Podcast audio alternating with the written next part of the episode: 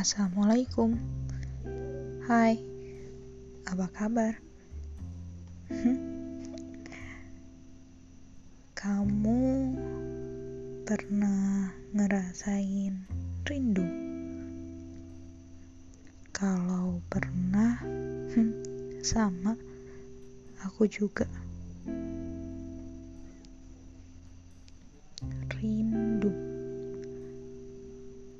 Satu kata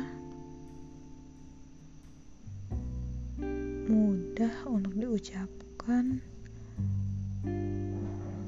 tapi sulit untuk dijelaskan